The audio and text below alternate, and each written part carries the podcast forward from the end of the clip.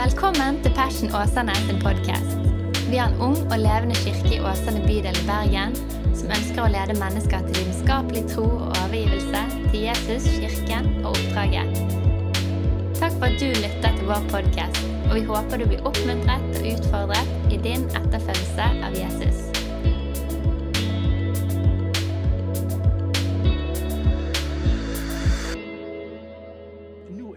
Åpningsgudstjeneste. Og eh, I begynnelsen av hvert semester så er det den gleden som hovedpastor å kunne få lov til å lytte inn til Gud, be hva tror jeg vi trenger som kirke å høre, og, og få lov til å sette litt temperaturen. Eh, For ett år siden snakket vi, hadde vi en liksom passion-intro. første gudstjenesten, Det var liksom medlemskurs, nesten. Eh, og så hadde vi forrige semester der vi snakket om gjennom alt, og ikke minst koronatiden. Vi har jo et bakteppe med halvannet år med, med mye annerledeshet bak oss. Og sånn som Mats sa, det er så godt å kunne komme sammen og lovsynge igjen. Og nå, Det ordet jeg kjente på, er, som jeg tror er til oss, er å hente fra Lukas evangeliet, det 24. kapittelet. Og eh, Bakgrunnshistorien her er jo at eh, Lukas han skriver om Jesusfortellingen. Og Hvis ikke du visste det, Lukas og Apostelens gjerninger var egentlig én stor bokrull. Men den ble så heftig svær før man hadde Kindle. Eh, så dette, Da bestemte man seg for å kutte den i to. Derav Lukasevangeliet og Apostelens gjerninger. Men det er egentlig bare fortsettelsen på evangeliet. Det er jo litt oppmuntrende.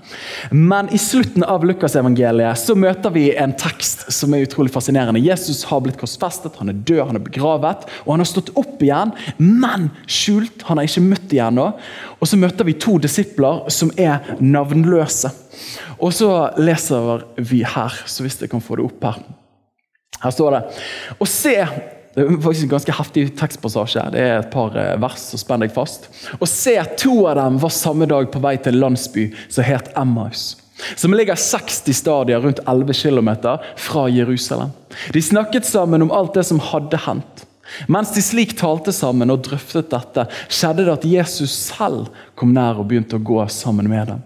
Men øynene deres ble holdt igjen, slik at de ikke skulle kjenne ham.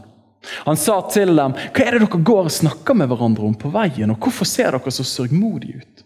Den ene av dem, som het Kleopas, svarte og sa til han, 'Er du den eneste fremmede i Jerusalem?' 'Og har du ikke fått kjennskap til alt det som har hendt der i disse dager?' Han sa til dem, 'Hva er det?' Da sa de til ham alt det som har hendt med Jesus fra Nasaret, en mann som var en profet, mektig i gjerning og ord for Gud og hele folket, og hvordan øverstepresten og rådsherrene våre overga ham til å bli dømt til døden og korsfestet ham. Men vi håpet at det var han som skulle forløse Israel. Dessuten er det i dag den tredje dagen siden alt dette skjedde. Ja, og Noen kvinner iblant oss som kom tidlig til graven, har oppskaket oss. De hadde ikke funnet kroppen hans, men kom og sa at de hadde sett et syn av engler som sa at han lever. Noen av dem som var sammen med oss, gikk da til graven og fant det nøyaktig slik som kvinnene hadde sagt, men han så de ikke. Da sa Jesus til dem, og her kommer jo bergenseren eller nordingelen eller den uforskammede Jesus. Hvor uforstandige dere er, og trege av hjerte til å tro alt det som profetene har talt. Måtte ikke Kristus lide alt dette og så gå inn til sin herlighet? Disiplenes øyne blir åpnet, ja, det er overskriften. Så nærmet de seg landsbyen som de skulle til, og han ga uttrykk for at han ville gå lenger. Men de holdt ham tilbake og sa, 'Bli hos oss, for det lir mot kveld, og dagen er snart omme.' Han gikk da inn for å bli hos dem, og det skjedde mens han satt til bord sammen med dem, at han tok et brød, velsignet og brøt og ga det til dem. Og Da ble øynene deres åpnet, og de kjente ham igjen. Det står, det Her har det hoppet ut i vers 29, men det står at han utla for dem alt som var skrevet om ham, både i loven, profetene og i skriftene. Og han ble usynlig for dem.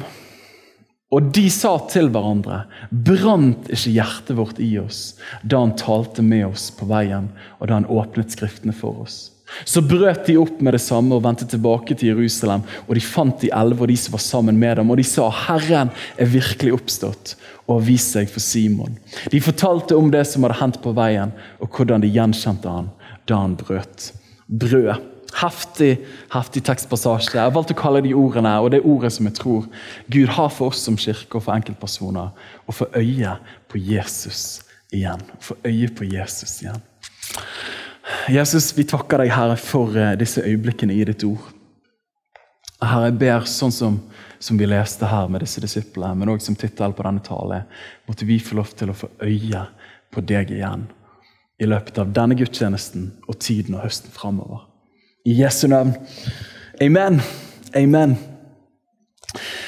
Du, mange av oss har vokst opp sammen i menighet. Jeg tenkte på det når jeg forberedte meg. Jeg og Mats har vokst opp sammen. Runar er ikke her i dag eh, Helen og Helene som har barnekirke der ute. Vi har vokst opp i menighet. Og Når jeg tenker tilbake på min oppvekst i menighetsliv, så er det nesten med udelt takknemlighet. Jeg har vært med på mye mye gøy. Husker søndagsskoleopplegget. Det var gøy. Fikk ikke med meg så mye av det. Eh, men det var veldig gøy å møte folk der, og ikke minst kjøpe slush etterpå. Bort med Bergen Bowling utenfor Liamyren, der vi hadde gudstjeneste før. Eh, det var good times. Eh, vi har vært med på lovsangsfester, vi har vært med på leirer, vi har vært med på nyttårskonferanser der det er så mye hormoner i rommet rommet og litt Hellig Ånd. At det holder på å eksplodere. Der vi har nyttårsraketter etterpå, der noen har tatt ut kruttet av alle rakettene og laget en hjemmekonstruert rakett, for det var en god idé. Eh, og vi er glad vi lever i dag. Eh, vi har hatt tunnelløp når vi har vært på leir, uten å nevne mer om det. Altså, Vi har vært med på så mye artig og så mye gøy. da. Og Jeg er så takknemlig og det må jeg si som pastor, men også, jeg er så glad for å kunne oppdra barna våre i menighetsliv. Det er det rikeste jeg har fått del i. Men når jeg tenker tilbake, noe av det tristeste når jeg tenker tilbake på menighetsoppvekst og ikke minst ungdomsarbeid, er alle de menneskene som jeg en gang trodde på Jesus sammen med, men som i dag ikke tror igjen. Eller de som man en gang var veldig menighetsaktive med, men som i dag har tatt ut avstand til menigheter. Eh, og Det er sikkert flere av dere som, kan, som husker ja, når jeg var på leir, så var vi den vennegjengen der. Eh, men 10-15 år senere så er det to av oss som er igjen. Som fortsatt er aktive, eh, men ikke minst òg som kanskje har bevart troen. Og det bør gå inn på oss. da. Og når jeg tenker tilbake på, på ungdomsskolen, Det var mitt liksom, store Jesusmøte. Vi hadde bønnemøte hvert storefri under uh, undergangen under garderobene på Daniels ungdomsskole i Bergen. Og Det var liksom en booming time. Jeg tror vi kunne være rundt 20 stykker der som ropte til Gud for medelevene våre, for livene våre og for byen vår. Så det var vekkelsesluft. Altså, det var jo tre kvadratmeter ca. Uh, så det om ikke åren kom, så var det sterkt uansett. Så det var mye folk der. Og når jeg tenkte tilbake, når jeg forberedte meg, så tenkte jeg jeg tipper at en fjerdedel av de er aktive i menighet i dag. Og Når jeg tenker tilbake på konfirmasjonskullet mitt, så tipper jeg kanskje en fjerdedel, kanskje litt mindre, er fortsatt menighetsaktive i dag. Og det er helt krise. Det er helt krise. Nå vet ikke jeg hvordan det står til med troen med alle, men jeg tror at det er en sammenheng ofte med menighetsaktivitet og tro. Og eh, det var en bok som kom i 2011 som heter You Lost Me. You Lost Me, som er skrevet av David Kinnaman, som eh, leder Barna Research Group, som er en sånn Gallup-gruppe, kristen Gallup-gruppe i USA. Og De slo fast at rundt 70% av ungdommer som vokser opp i evangelikale kirker i USA, slutter å være menighetsaktive i midten av 20-årene. 70% Altså, Det burde få oss til å gråte. Det er helt krise. Og så har man tidligere tenkt at ja, når de får unger og kommer i midten av 30-årene, da kommer de tilbake igjen. Men så begynner man å si at det er ingen selvfølge lenger. Og eh, En svensk eh, journalist og forfatter som heter så mye som Carl Henrik Jaktlund, skrev en bok som heter 'Jesus gikk videre, men menigheten sto igjen'. Og Han snakker om det at den svenske pinsebevegelsen, som i dag teller rundt 85 000 stykker, ca. dobbelt størrelse av den norske, hadde alle barn og ungdom som hadde vært del av barne- og ungdomsarbeid, vært fortsatt en del av bevegelsen, så hadde de talt over en million i dag. Og så sa han tar du alle de andre kirkesamfunnene i tillegg, så hadde det vært godt over to millioner. Og dette her er jo hjerteskjærende. Og ethvert selskap som opplever at så mange mennesker forsvinner ut, hadde stukket fingeren i jorden og sagt hva skjer med kundene våre? Og Nå er ikke vi en bedrift og et corporate men vi er familie. Så jeg har lyst til å stille spørsmålet hvorfor forlater så mange mennesker troen? Men enda mer positivt, hvordan kan vi ha en tro som varer, men også som vokser? Både for oss som enkeltmennesker, men også for oss som menighet. Så vi hopper inn i det første spørsmålet. Hvorfor forlater mange mennesker troen? Og Vi skal ikke ha et dypdykk i det, men jeg tror at sånn som Paulus sier i 2. Korinterne 2,11, så sier han han snakker om djevel. Nå snakker ikke vi altfor mye om djevel i Passion, for vi er ikke så imponert av han. Men han sier at hva djevel har i sinne, er vi ikke uvitende om. Og det er noe med det at Hvis man ikke er bevisst noe, fallgruver, utfordringer, så er det lett for at man snubler i det. Men hvis du vet om at her er det en kant, så det er ofte Når du går på en restaurant, eller noe sånt, så er det liksom sånn neonteip på gulvet. liksom. Her er det tre meter ned. Eller nei, sant? Hvis du skal på do, her er det liksom 20 cm. Eller eh, når du har vært i Syden, og vi alle kjenner noen folk som har gått i et par glassruter fordi de ikke har de der røde prikkene på. Eh, vi trenger Noen ler her, fordi noen fortsatt er litt skeive i nakken pga. det. Eh, men, men sånn som Paulus sier, vi er ikke uvitende om hva han har i tankene. Og Det tror jeg vi som kristne skal få lov til å være litt skarpe på. Så hvorfor forlater mange mennesker troen? Han, eh, David Kinnaman fortsetter i boken sin, og så deler han disse 70% inn i tre ulike kategorier. Den første gruppen er eksiler, exiles. Og Det han beskriver de som er at de fortsatt har en tro, men de opplever at spennet mellom kirken og kulturen er skikkelig vanskelig å stå i. Og det tror jeg ikke man trenger å være profet for å forstå at vokser du opp i dag med mye av det som læres i skolevesenet og rundt oss på sosiale medier, så kan det bli et spenn fra søndagsskolen, der du lærer om at dette er ja, og dette er nei, og dette er bra, til de andre kulturelle arenaene der de sier at hei hvor det går, gjør gjett som du vil. Det kan bli et spenn der. Men så sier han den andre gruppen etter der er nomadene. Og hvis jeg har forstått det rett, Nomader er vel folk som er et reisende folk. Så de har ikke lenger et menighetsaktivt forhold, men de har fortsatt en tro av noe slag. Og så har man den tredje gruppen, som er de bortkomne. The progicals, eller de fortapte. De som har trukket seg bort både fra menighet og fra trosliv. Og jeg har lyst til å påstå, uten, uten å trekke teksten vår for langt Men jeg tror at den teksten vi leste, beskriver noe av den samme bevegelsen som man kan se i samtidskulturen rundt oss.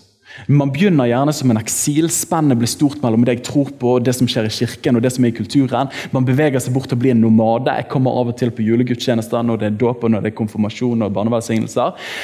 Til at man gjerne blir en bortkommen etter hvert. Der at jeg, jeg beveger meg bort fra alt dette her i helhet. Og disse disiplene her, og vær med meg, Nå skal vi bare gå dypt inn i Bibelen. her.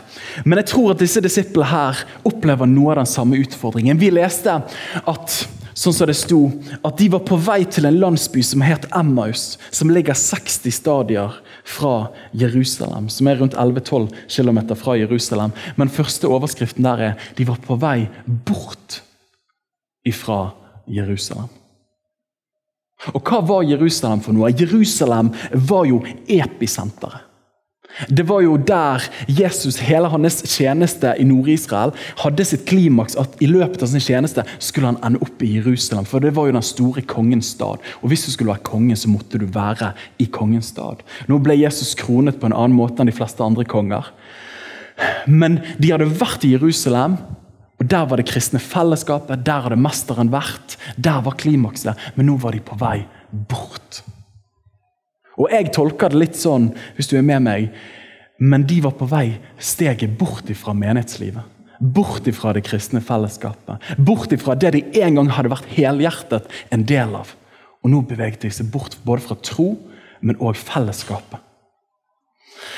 Og så står det videre at de gikk sammen på veien, og så står det de snakket sammen om alt det som hadde hendt alt det som hadde hendt. Og Dette er en beskrivelse av de, men hvis du lar tankene gå litt, så tror jeg dette kan være en beskrivelse av man, mange mennesker som beveger seg bort. Først bort fra Jerusalem, det kristne fellesskapet. Man begynner å snakke om alt som hadde hendt. Man lever på et vis i fortiden. Og jeg vet ikke om og nå, Dette er ikke bare med negativ tilnærming til disse tingene. for Ofte trenger man å ta ut avstand av og til. Hvis man har vært med på noe krevende, så trenger man å prosessere tingene. Men ofte når man da dekonstruerer, som betyr å analysere og dissektere og knekke ned det man har vært med på, så snakker man om det som har, hadde hendt. Man lever i fortiden. Og Dette er bare en liten parentes, men hvis du finner deg på et sted i livet ditt der man alltid snakker om det som hendte, det Gud gjorde, eller det den gangen det var så sterkt, så har jeg lyst til å påstå at det er ikke det beste Gud har for deg og for oss som, som menighet. Ikke leve i fortiden. For hva er det som skjer når du lever i fortiden? Jo, Jesus kommer, vet du, munter og glad som han er. Og så sier han, 'Hvorfor ser dere så sørgmodige ut?' Det er jo bibelspråk for 'Hvorfor ser dere så trist ut?' Og så sier de jo, for vi hadde håpet at det var han som skulle forløse Israel. Hva er det som skjer her? Jo, de er triste fordi de hadde et håp. Men det håpet ser jo ut til å være begravet med en stor stein foran. Beveger seg bort fra det kristne fellesskapet. Man begynner å snakke om det som har vært. Og man begynner å bli sørgmodig fordi at håpene man hadde, er brutt. Og så tror jeg at noe av diagnosens kjerne er at de hadde fått håpet tent litt av at det var noen kvinner som hadde løpt til graven. Og så hadde de sagt at, at steinen var borte, kroppen var ikke der, og de så et syn av engler. Og til og med noen av guttene hadde gått og sjekket det og funnet nøyaktig slik som de sa. Det er fascinerende. da. Det sier noe om at, om at de ikke trodde så mye på kvinner. Og Det synes jeg er ekstra gøy da, at Jesus deler oppstandelsesvitnesbyrdet til de samfunnet som hun er på. Men det er en annen tale. Men så står det bemerkelsesverdig Men han så ikke. Men han så de ikke. For det var jo han. Hadde han vært der, så hadde alt vært forandret. Så hvorfor, mennesker, hvorfor forlater mennesker troen? Jo, jeg tror fort man beveger seg bort fra fellesskapet. Man lever i fortiden. Og man får noe av den triste håpløsheten for det man håpte ikke inntraff. Og dypest sett, man kan ikke lenger se Jesus. Og dette her skal vi trekke det litt videre, men heng med meg. Jeg tror ofte at en troskrise er en livskrise.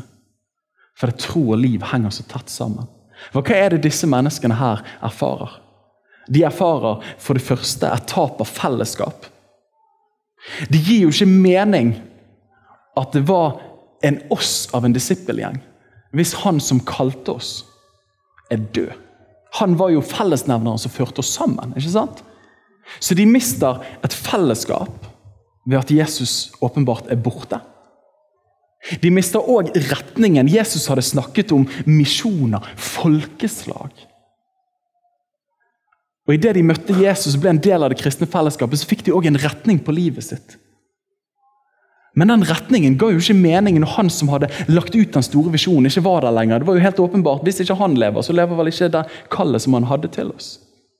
Dette er det noe mennesker erfarer når de opplever troen forsvinner. er At de mister fellesskapet sitt. De mister òg livsretningen sin til en viss grad. Og så mister man òg noe av selvforståelsen sin. For det Så mye av vår selvidentitet og hvem vi tror vi er, henter vi fra det fellesskapet vi er en del av. Av den retningen som vi tror livet vårt har. Og der definerer vi oss sjøl ut ifra. Så Jesus hadde kalt disse til å være disipler. Men hvis mesteren er borte, så gir ikke det mening å være en disippel. Jeg prøver å bare male et bilde her. Hvorfor forlater mennesker troen? Jeg tror vi ser noe i disse Emmaus-vandrerne. Jeg tror vi ser noe der. Og dette her er smertefullt. Og Hvis vi overfører det til vårt språk i dag, så tror jeg, og jeg som ungdomsleder, men også som pastor, etter hvert, man har sett unge mennesker forlate troen. Og eldre mennesker. Og, Dere sitter med deres fortellinger. Hvorfor det? Jo, gjerne onde opplevelser når det kommer til det kristne fellesskapet. Det ble litt for trangt, det ble litt for lovisk. Det var kanskje et maktovergrep. Det var kanskje ledere som var litt for heavy-handed. Eller kanskje ledere som ikke var helt fullkomne. Håper ikke jeg at du merker at jeg ikke er fullkommen. Ikke kom for nær. Forhåpningene som ble uteble, helbredelsen som ikke kom, bønene som tilsynelatende ikke ble besvart. Vekkelsen som lot vente på seg. og Av og til når jeg hører tidligere generasjoner snakke om 90-tallet liksom bare sånn her, The revival was in the air. Så, men så kom det liksom ikke helt. Læren virker for krevende. Hvordan kan den kristne lære være så eksklusiv? Hvordan kan vi tro på disse tingene her?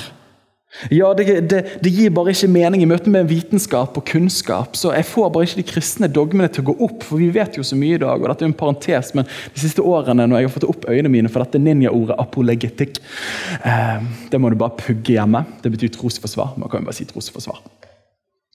Men jo mer jeg studerer det, så ser jeg at, at vitenskap og kunnskap er jo bare en gave til å utforske Guds skaperverk. At det ikke er en motsetning, tvert imot en utfylling. Men, eh, men, det får vi ta en annen gang. Verden virker gøyere når man ikke tror. Dette er årsaker til folk forlater troen, og man bare glir bort. Og Her tenker jeg korona, kanskje kan være en utfordring for oss i menigheten òg. Når vi ikke har hatt møter, når det har vært vanskelig å være en del av det kristne fellesskap, plutselig bare glir man litt bort. Man blir litt sånn uønsket nomade. Men så var det litt deilig det å ikke ha gudstjeneste. Så var det litt fint der å kunne se en liksom, litt sånn Netflix-church. Det var jo litt koselig, det. Og så etter hvert så ble det mye annet man hadde lyst til å gjøre på. Er dere med meg, Så glir man stillfarende bort. Dette er ulike årsaker til at folk forlater troen. Og Jeg har lyst til å si det som menighet. Men noen ganger disse vandringene der man må stoppe litt opp, ta utdistanse Man har mistet Jesus litt av syne. Kanskje man brente seg på et kristent fellesskap. Bønnene uteble. Jeg har lyst til å si nåde og miskunn og kjærlighet til deg. da. Vi ønsker å være en kirke der det skal være lov til å ha de rundreisene av og til. Og vi ønsker å være en kirke der vi går sammen med hverandre når vi opplever det. Og jeg tror at Det å dekonstruere av og til, for det er ikke alt vi har vært med på som er gud, men det kan være bra. Men hvis du dekonstruerer, så trenger man også å rekonstruere og bygge opp igjen. Hvis ikke så ender man opp i et vakuum, der man bare lever i fortid og er sørgmodig og bitter. Og Jeg må si at jeg, jeg har stor respekt for mennesker som har vært del av kristne fellesskap, som man gjerne kaller brente barn. Det er jo litt sånn stygg beskrivelse. Hvem er du? Jeg er et brent barn. Eh, men målet er jo ikke å forbli forbrent hele livet. Målet er jo å bli leget. Sant? Og ikke lage en teologi ut fra sin lidelse og rettferdiggjøre at man aldri blir en del av et kristent fellesskap igjen. Eller ha en aktiv tro. Det er ikke målet. Målet er å få en sunn tro og et sunt forhold til et kristent fellesskap. Er dere med? Og da er jo det som er så vakkert her det første punktet disse er desillusjonerte. Men hva er det som skjer da? Og vi leste det. Men mens de slik talte sammen og drøftet dette, skjedde det at Jesus selv kom nær og begynte å gå sammen med dem. Jesus kom nær og begynte å gå med dem. Ja, Han sa til dem, 'Hva er det dere går og snakker med hverandre om på veien?' Og Så sier de litt, 'Er du den eneste som ikke har fått det med deg?' Og så sier han, 'Hva da?' Og Jeg elsker denne responsen til Jesus. Det er flere år siden jeg leste den. Men hvorfor det? Jo, fordi at Jesus vet jo hva som fant sted. Altså, Han var jo han som fant sted. Så Hvis det er noen som hadde førstehåndskunnskap til hva som var greien, så var jo det Jesus. Men jeg elsker at han ikke sier liksom smakk, smakk, smakk, kom over på min banehalvdel. This is reality. Nei, nei, nei. Jesus møter dem der de er. Så står det at han kom nær gikk sammen med dem i deres tempo. Når vi opplever ting er krevende i livet, når tro kan være vanskelig, når det kristne fellesskapet kan være vanskelig, så gikk han sammen med dem i deres tempo. Og så sier han disse ordene. Hva er det dere snakker med hverandre om? Han vet jo det!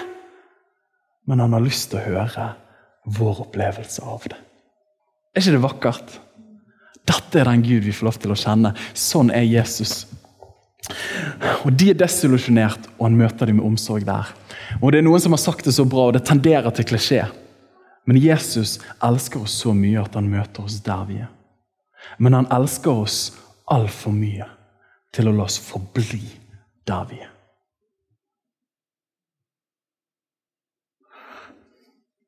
Og en annen klisjé. Men når de er desillusjonert, så er det Jesus gjør, det er, og desillusjonerte mennesker, er at han har lyst til å illuminere dem. Og la dem få se lyset igjen. Desillusjon, illumisjon. Det var vanskelige ord. Og som salmisten sier, for han sier at i Salme 36, vers 10 Han sier for hos deg er livets kilde.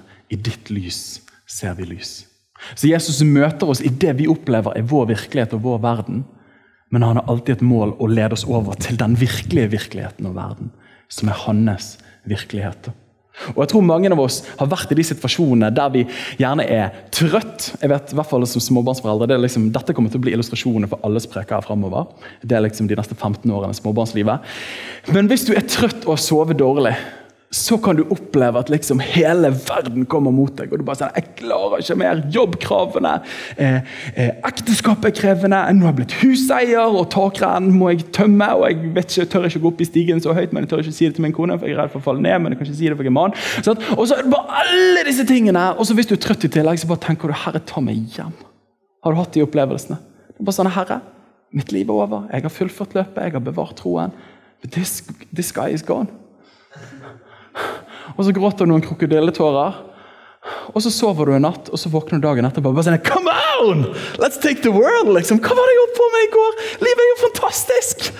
Jeg har jo masse endorfiner og energi. Ekteskapet er bra, huset det kan bare dryppe så mye det vil, men det det handler om er at vi er det godt sammen. Er du med? Hva er det som skjedde der? Jo, det heter jo trøtthet, og det heter kanskje hormoner. Men så plutselig så får man sovet litt, og så bare sånn Hæ? Det var jo ikke det som var fakta. Det føltes virkelig, men det var ikke virkelig. Og Sånn er det med Jesus. Han møter oss der vi føler det virkelig, men så har han lyst til å lede oss over til det som virkelig er virkelig. Og Det er akkurat det som skjer her. Og eh, Det er noen som har sagt det så bra. First doubt your doubts before you doubt your faith. Og Det tror jeg vi trenger å lære i vår tid. Tvil på tvilen av og til. For tvilen er ikke fakta. Før du begynner å tvile på det du tror. Men Jesus kommer heldigvis ikke bare nær for å gi behagelig omsorg, men han kommer òg for å opplyse. Og Hør på disse ordene her. vet du. Dette er nydelig.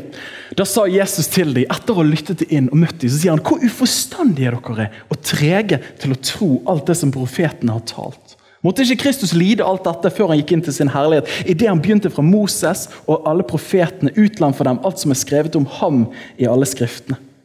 Og Vi leste det at når de satt til bords, så ble etter hvert øynene deres åpnet, og de kjente han igjen når han brøt brød. Og så sier disiplet rett etterpå, etter at han har blitt usynlig, han sier han, brant ikke hjertene i oss når han talte med oss på veien, og når han åpnet Skriftene for oss. Når han åpnet Skriftene for oss. Mange er årsakene, mange av årsakene til at man dekonstruerer, begynner å tvile, trekker seg bort fra det kristne fellesskapet. Men jeg tror at nerven i det hele, den dypeste forklaringen, er sånn som disiplene sa. Men ham så de ikke. Mister man Jesus for øyet, så gir plutselig ikke disse tingene vi holder på med, mening lenger. Da gir ikke det å være et menighetsfellesskap, det å leve med en misjon, gir ikke så mye mening lenger. Hvis man ikke ser Jesus. Skal man ha et brennende hjerte, så må man få se han igjen. Og det er litt sånn, Uansett hvor mye vi klarer å rigge på med gudstjenester, uansett hvor mye heftig barnekirken kommer til å være, uansett hvor morsom møtelederen kommer til å være, uansett hvor mye greier og sosialt veldedighetsarbeid vi har som menighet, så kommer ikke det til å være nok for å ha hjertene våre brennende i det lange løp. Hvis vi skal være en kristen kirke. Og Man kan jo av og til tenke at det å få øye på Jesus er en engangsopplevelse. Men det å få øye på Jesus er et liv vi lever. Å få øye på Jesus, evangeliet, er ikke bare det som føder og frelser deg, men det er det som fostrer deg hver eneste dag. Evangeliet er ferskvare. Og Det som skjer i denne teksten, her, er at de går fra å være desillusjonerte til å bli illuminerte, at de får se lyset igjen. Og Da har jeg lyst til å stille spørsmål i positiv vending. Ikke bare hvorfor forlater folk troen, men hvordan kan vi ha en tro som varer? Og ikke minst vokser. Er du med meg på det? Nå preker jeg litt til, men jeg merker at det er bra elvegudstjeneste, For dere er mer våken enn det det pleier å være klokken 17. Så dette, dette er amazing. Så dette, Jeg lurer på om vi skal snike oss ned på nitallet. Nei da. Eh, men hvordan får vi øye på Jesus igjen? Hvordan får vi øye? Hvordan fikk disiplene øye på Jesus igjen? Er du klar med? Kan du henge med meg litt til? I teologien snakker man om nådemidler. Og Det er et fint begrep, men det handler om måter Gud gir oss erfaringer av seg sjøl på. Og så husker jeg, når jeg var konfirmant, så lærte jeg om de fire b-ene. Er det noen som har hørt om de fire b-ene her inne? Har vokst opp med det? Bra! Da har katekismeopplæringen din fra barndommen gjort noe bra. For De fire b-ene tror jeg er akkurat det vi ser her. Det første vi leste, er at Jesus åpnet Skriftene for dem. Han viste alt det som var skrevet om ham i Skriftene. Både i loven, profetene og skriftene. Og Det gamle testamentet, Jødene deler det inn i loven, de første fem bøkene, profetene, de folkene, oraklet, de som hørte fra Gud, og skriftene, som var salmene, ordspråkene osv. Det som står, er at Jesus åpenbarte det som var skrevet om ham der. Det første stedet vi får øynene våre åpnet opp igjen når vi er desillusjonert, er i bibelboken. Gud har gitt oss denne boken her, så forunderlig den enn måtte være. Over 40 forfattere, skrevet på rundt 1500 år, med ulike kontekster, tider og ulikt språk. Men likevel går det som en rød tråd gjennom det hele, at Jesus er det samlede sentrum. Og, og Nå blir jeg litt giret her, for dette er noe av det som virkelig har fått hjertet mitt til å brenne de siste årene. enn å forstå at Bibelboken ikke bare er ulike litterære sjangre. Her er det liksom ordspråk, her er det litt sånn orakler og, og profetier, eh, og her er det lovtekster. Men når du begynner å si at Jesus er på første side og han går som en rød tråd gjennom. Når du leser i protoevangeliet, i første Mosebok 3 kapittel og det 15. verset, der står det om at, om at, at kvinnens hæl skal knuses slangen, og slangen skal knuse hel, Det bildet der. Det er jo et bilde på at, at Jesus skal overvinne ondskap og djevel. Men djevel skal knuse søvn, som er Kristus på korset. Er du med? Kan jeg bare ta noen ting? Altså, Bibelen er spennende. Når Moses går i ødemarken, så sier folk jeg er så utrolig tørst, har du Imsdal-flasker? Og, så, og så sier han nei, det har vi ikke. Og så roper han til Gud Gud, de trenger vann, disse folka. Og så sier han slå på fjellet. Og Så går han bort med ninjastaven sin og så slår han på fjellet. Og Så begynner det å sprute vann ut. og Det er liksom første oldenkilden. Så, så spruter det ut. Men så står det neste gang at de ble tørst. Så sier Herren til ham nå skal ikke du slå lenger, nå skal du tale eller synge til fjellet. alt etter hvilken oversettelse du har. Men så er han en rampete gutt, Moses, så han slår fjellet for han blir pushet. Og Da sier Gud du får ikke komme inn i det lovede land. For det, hvorfor det? For at han ødela bildet. For hva var bildet? Jo, Kristus ble bare slått én gang. Og Etter at han har blitt korsfestet en gang, så slipper han å dø mer. Nå kan vi bare tale til ham, nå kan vi synge til ham, nå kan vi samtale med ham. Er du med deg? Med meg? Altså, Jesus går som en rød tråd. Profeten Hosea er jo et bilde på Guds oppsøkende kjærlighet i personen Kristus. At han går til hun prostituerte. Og Så gifter han seg med henne, og så lever hun dette horelivet fram og tilbake. Men han tar henne inn på nytt og omfavner henne. Er du med? Det er et bilde på Jesus! Så det første, Hvordan kan vi få øye på Jesus igjen? Jeg har lyst til å si, Måtte vi være en kirke der vi bare har litt sånn her, vi er bibelbolere. For Vi bare elsker denne boken, her, for det er her vi møter Jesus. Når Johannes disippel skal begynne evangeliet sitt, sier han i begynnelsen var ordet. Ordet var hos Gud, og ordet var Gud. Hva er det egentlig sier der? Altså, I begynnelsen var Jesus. Jesus var hos Gud, og Jesus var Gud. Hva er det han prøver å si? Jo, Han prøver å si at Guds ord som har kommet til verden, ordet ble skjød og tok bolig iblant oss. Det er Jesus! Og Av og til når liksom, dette begynner å demre for meg, så er det bare sånn Daniel, hvorfor leser du ikke mer i Bibelen? Og nå er det ikke det så moraliserende prekende, men det jeg prøver å si at det er en levende bok. Og her, Hvis du opplever å ha mistet Jesus og syne, så er Bibelen det første stedet å kunne få lov til å se han igjen. da. Og nå i sommer nå er jeg rett på her. Men jeg kan jo synes det er litt sånn kjedelig å lese de samme tingene om igjen. Jeg er nok den eneste her inne. Eh, men når man har lest den samme teksten, så får man de samme assosiasjonene. Og så tenker man jeg får ikke så mye ut av det, men jeg leser litt fort gjennom, for da har jeg i hvert fall lest og kan krysse av på det. Jeg skal ikke ha håndsopprekning, men det er flere av oss. Men det jeg gjorde i sommer, var at jeg fikk tak i en bibelkommentar. Og så leste jeg gjennom pastoralbrevene. brukte god tid på det. Eh, første og andre Timoteus Titus brev, sammen med en bibelkommentar. Og Det var bare så givende. Det er faktisk det gøyeste aktiviteten jeg gjorde i sommer. Det er faktisk, for Her var det en fyr som kunne så mye mer enn meg. Og jeg fikk møte Jesus på nye måter med relevans for livet mitt. Så jeg vet ikke hvordan det funker. Bibelleseplan, bibelkommentar. Se, jeg tenker YouTube-filmer. Uh, The Bible Project, hvis du ikke har hørt om det.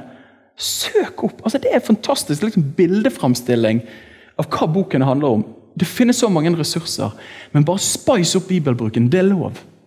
Det er faktisk lov. Eh, lær deg gresk. Eh, det hadde vært kult hvis noen gjorde det. Men første stedet du møter Jesus, er Bibel. Andre B-en som jeg har lyst til å løfte opp, er bønn. Disiplene sa brant ikke hjertet i oss når han talte med oss på veien. Når han talte med oss på veien. Mange er jo gift her inne. Men hvis det er én ting som kjennetegner et velfungerende relasjon og vennskap og ekteskap, så er det at man snakker sammen. Sant? Communication. Det er jo alle det de sier. Drar du på ekteskapsjord, snakker dere sammen? Nei, det gjør ikke vi. Ok, da vet vi hvor problemet er. Eh, kommunikasjon. Og Når vi hører bønn, så tenker vi ofte bønnebegjær. Ja, men Gud, jeg trenger dette. Dette er julelisten min. Kan jeg få dette her?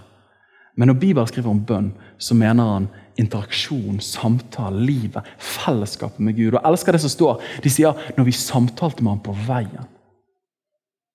Det er jo òg et bilde til livene våre. Ikke når vi bare er i lønnkammeret, når det er liksom intensjonelt åndelig krigføring i av stoff. Men idet du sitter på bussen Jesus, du, jeg tenker på dette. Jeg skal ha den prestasjonen på jobben. Jeg syns det er litt krevende. Og jeg vet mange av oss gjør det, men jeg må si, dette tror jeg er en av de store gledene i livet mitt. Når jeg kjører bil, Jesus, du ser den regningen som kommer der. Herre, du vet den personen. Jeg syns det er vanskelig å møte den personen der. Og bare ha det der smattende samtaleforholdet med Jesus. Det gjør noe med at hjertet holder seg brennende. Jeg begynner å se han, og så får jeg plutselig en innskytelse. Ble minnet på et bibelvers. Daniel, frykt ikke, for jeg er med deg. Når du skal møte den personen. Det går fint, jeg er med deg. Dere er med meg, sant? B nummer to. Hvordan ser Jesus igjen? Bønn. Den tredje B-en så står det han gikk sammen med dem, og han gikk inn for å bli hos dem. Og han satte seg ned og spiste med dem. I en individualisert kultur som vi er en del av, så elsker vi den subjektive opplevelsen. Men Det handler om meg og Jesus. Jeg får liksom ikke gode vibs av dette. her, og jeg må fortelle en historie. Rett før sommeren så var jeg på Burger King med noen pastorer. og Så var det seint, og så kom russen inn. Og det kom en russ fra St. Paul. Ja, det gjorde det. Og, og, det er jo en katolsk skole, så vi begynte å snakke med dem. Så jeg tror dere på Jesus. Og vi sa jeg tror på Jesus. Å, jeg tror på Jesus. Så de hadde fått noe i seg som ikke var Den hellige ande. Um, så vi bare Ja, men det er så bra, da. Ja, men Hvem er Jesus for deg? For meg så er Jesus good vibes. Han er good vibes. Og jeg, bare, jeg, kommer ikke til å glemme det, Men det var liksom definisjonen. Hvem er Jesus? Han er good vibes for meg. Ok! Neimen, all right. Eh, betyr, er det noen begrensninger? Er det liksom noen rettestor For meg er han good vibes. Ok! Det betyr egentlig han er akkurat det jeg kunne ønske han skal være. Hva er poenget? Jo, i en litt sånn individualisert kultur, og hvis du i tillegg hiver inn åndelighet der, så blir det fort en egen åndelighet. Men et av de stedene de møtte Jesus, disse Emmaus-vandrerne, var i fellesskapet. Med hverandre, men òg med Jesus. Hva er poenget? Jesus sier i Matteus 18,20.: Der to eller tre samlet, er midt iblant dere. Gud møter oss vertikalt, men han møter oss vel så mye horisontalt òg. Og Det trenger vi å høre, faktisk, vi som er en del av denne kulturen. her. Menighet er ikke en valgmulighet. Og Jeg har sitert det mange ganger. Når Reidar Paulsen ble spurt på et teologisk seminar er det mulig å være kristen og ikke være en del av en menighet? sier han. Jeg vet ikke, Bibelen sier ingenting om det. Og eh, Henry Noven, en kjent katolsk mystiker og prest, han sa det sånn som dette her, at, at church can stand in the way of God. Kirken kan blokkere utsikten til Gud og gjøre mye vondt. Vi er enige om det. But it does not cease to be the way to God. Men det slutter ikke å være den veien som vi òg møter Gud på. Og Cyprian, en av oldkirkens store ledere fra Kartago, Nord-Afrika, sa at du kan ikke ha Gud som din far hvis ikke du har kirken til din mor. Eh, poenget er Gud møter oss i fellesskapet. Det er ufullkomment, det er vondt. Emmaus-vandrerne har erfart det. Mange av oss har erfart det. Men sorry, så lenge vi er der òg, så kommer det alltid til å være litt vondt og litt ufullkomment.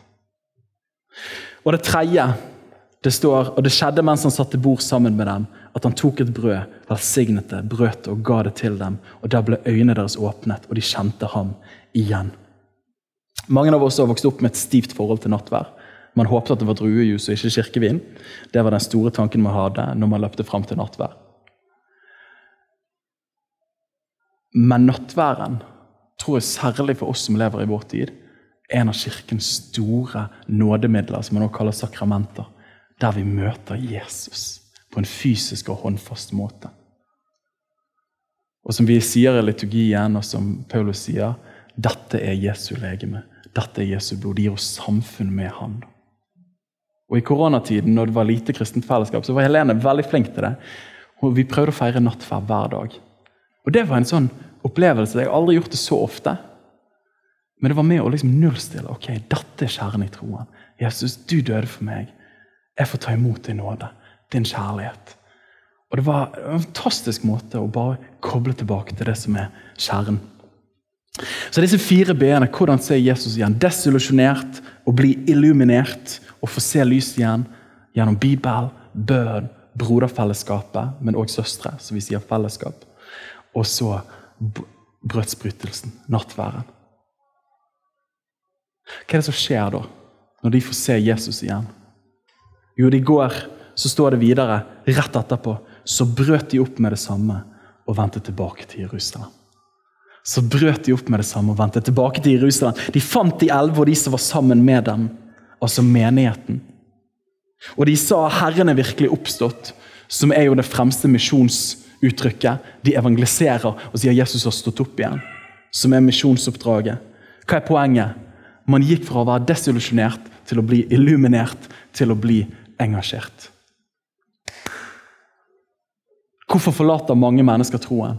Men hvordan kan vi ha en tro som varer, men også som vokser? Dette her er kjernen. Paulus kommer til korinterne, og så sier han jeg var fast overbevist på ikke vite noe blant dere utenom Kristus korsfestet. Hva er tingen? Han ville at de skulle se Jesus.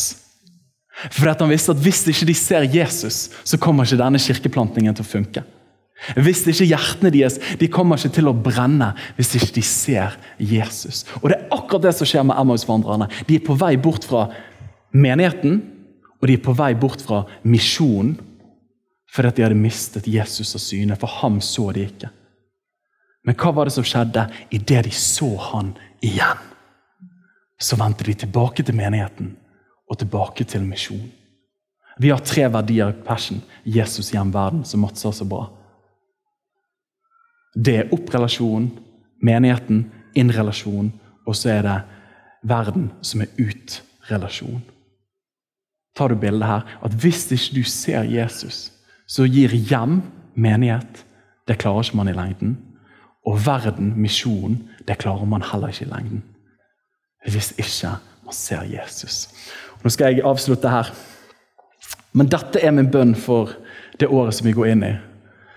Og Jeg har lyst til å la hebreabrevet være det som avslutter denne preken her, om å la oss få øye på Jesus igjen. Så sier forfatteren i det tolvte kapittelet, i disse velkjente versene her, han sier derfor skal også vi, siden vi er omgitt av en så stor sky av vitner, folk som har levd før oss, som har gått i tro, som har fulgt Jesus, de følger med på oss. Det er akkurat som en tribune der de heier oss fram. Vi skal da legge av enhver byrde og byrdene er mange. Koronatiden har vært en av dem. Og synden som så lett fanger oss. Og vi skal få løpe med utholdenhet i den kamp. It's gonna be tough. Du kommer til å bli såret av menighet. Du kommer til å bli sliten i misjonen. I den kampen som er lagt foran oss. Men hvordan kan vi holde ut? Jo, når vi fester blikket på Jesus. Når vi fester blikket på han, han som er troens opphavsmann og fullender han som er troens opphavsmann og fullender, og få øye på Jesus igjen. For oss som enkeltpersoner, men òg oss som menighet. Her begynner det, her slutter det. Opphavsmann og fullender. Vi må se Jesus. Så vil du være med meg og be? Kanskje vi reiser oss, og så ber vi sammen. Mens lovsangsteamet gjør seg klart. Mm. Hmm. Jesus, vi takker deg, Herre, for ditt ord, Herre. Herre, du ser at mange mennesker eh, i, i, det kristne fellesskapet har gått fra å være en eksil, nomade, til å bli en bortkommen fordi man har mistet deg av syne. Og Da blir misjon, da blir menighet altfor krevende til å være engasjert i det. Men Jesus, jeg ber Herre, for oss som enkeltpersoner, men òg for oss som menighet, måtte vi være en kirke som får øye på deg, Jesus, igjen. Som får øye på deg, Jesus, igjen. Jeg ber for oss her, for de av oss som opplever at eh, at troen kan bli vanskelig. At, at de kristne praksisene og levesettet kan bli krevende. Jeg ber Herre for oss, Herre. Herre, de som opplever å svidd seg på ting. Jeg ber deg, Jesus, om at du lar oss få øye på deg igjen. Herre. Du som først vant våre hjerter. Og så ber jeg, Herre Ja, Herre, så ber jeg òg for oss som tror og som er aktive, Herre, men vi, men vi, kan ikke leve på det som en gang hendte. Vi må leve på det som skjer hver dag. At vi trenger å se deg, Jesus, hver eneste dag. Herre. Vi trenger å ha blikket fastet på deg hver eneste dag. Og Jeg har lyst til å be her om en evangelieeksplosjon i vår forsamling. Der vi blir bergtatt av deg, Jesus, igjen og igjen og igjen, Herre. Ingen offer, ingen pris er for høy å betale når vi ser at du betalte den høyeste prisen for oss. Herre. Så la oss få øye på deg igjen. Amen. Takk for at du lyttet til vår podkast. Hvis du synes det var bra, så del den gjerne med noen flere. Vil du vite mer om hvem vi er, hva som skjer, og kanskje besøke en av våre gudstjenester, se vår nye hjemmeside på passionåsane.no, eller følg oss på sosiale medier. Helt til slutt, ta imot Herrens velsignelse. Herren velsigne deg og bevare deg. Herren la sitt ansikt lyse over deg og være deg nådig. Herren løfter sitt åsyn på deg og gi deg fred.